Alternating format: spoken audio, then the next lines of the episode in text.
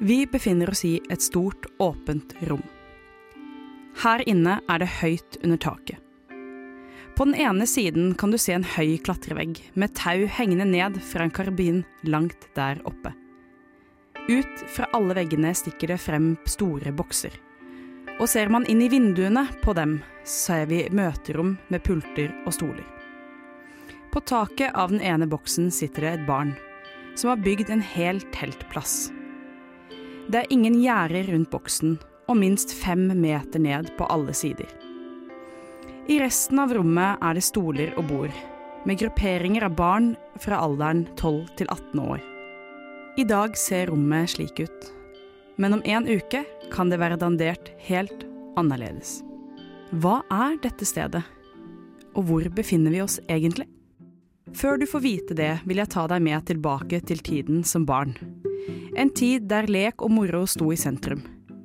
Kanskje var du den som elsket å demontere ting og finne ut av hvordan ting fungerte. Eller du samlet på rare ting du fant i skogen. Kanskje klatret du høyt opp i et tre for å få oversikten over alt som befant seg der nede. Eller du har mest glede av å dykke ned i en bok og forsvinne inn i en annen verden. Uansett hva du likte å gjøre, var det noe inni deg, en nysgjerrighet som drev deg videre. Denne lekenheten og nysgjerrigheten er en iboende egenskap hos de aller fleste pattedyr. I lang tid har det vært roten til hvordan vi lærer. Du kan se det hos kattunger som lekeslåss og angriper hverandre for å lære seg å jakte. Eller hos apungene som samler på ting de finner i skogen og bruker dem senere til å åpne harde nøtter. Lek og nysgjerrighet finnes overalt, og trengs for å kunne finne opp nye ting. Skape nye situasjoner og hendelser og ikke minst bidra til glede i hverdagen. Vi er nå tilbake i det store rommet med klatrevegg og teltplass på toppen av taket av en stor boks. Her lever ideen om barns lek for å lære i beste velgående. Dette er Agoraskolen. Agoraskolen er en privatskole i Nederland. Her finnes det ingen klasserom.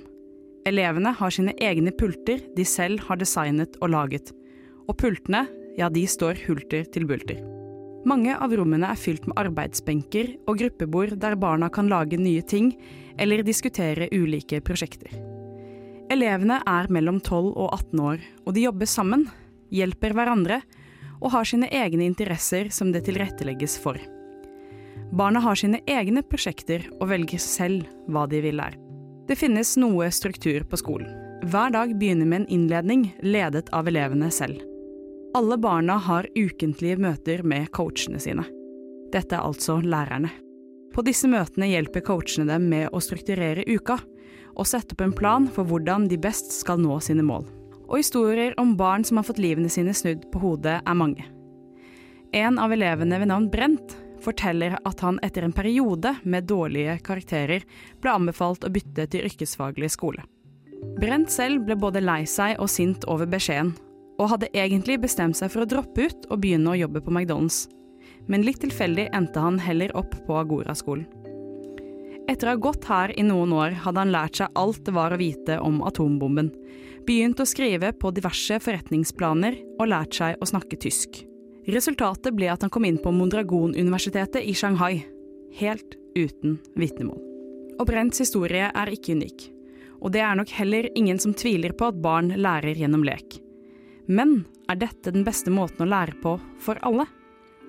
På de aller fleste skoler i verden i dag finnes det felles læreplanmål som barna skal kunne oppnå.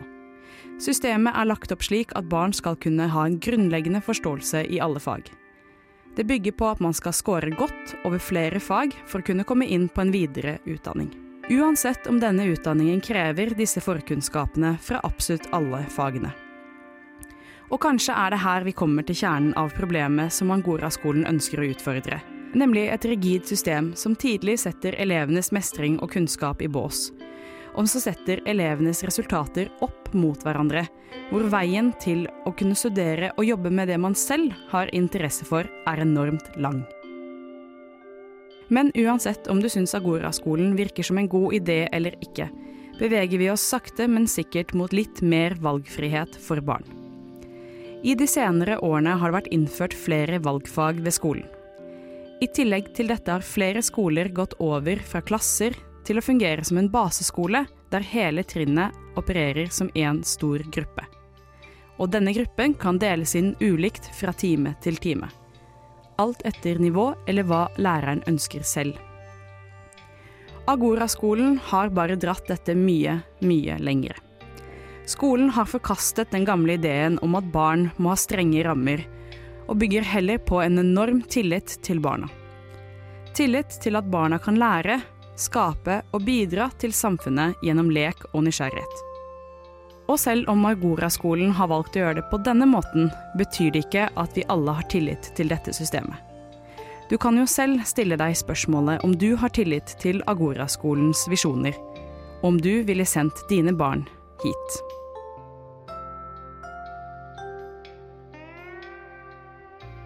Og der hørte du eh, Runa Årskog med denne reportasjen.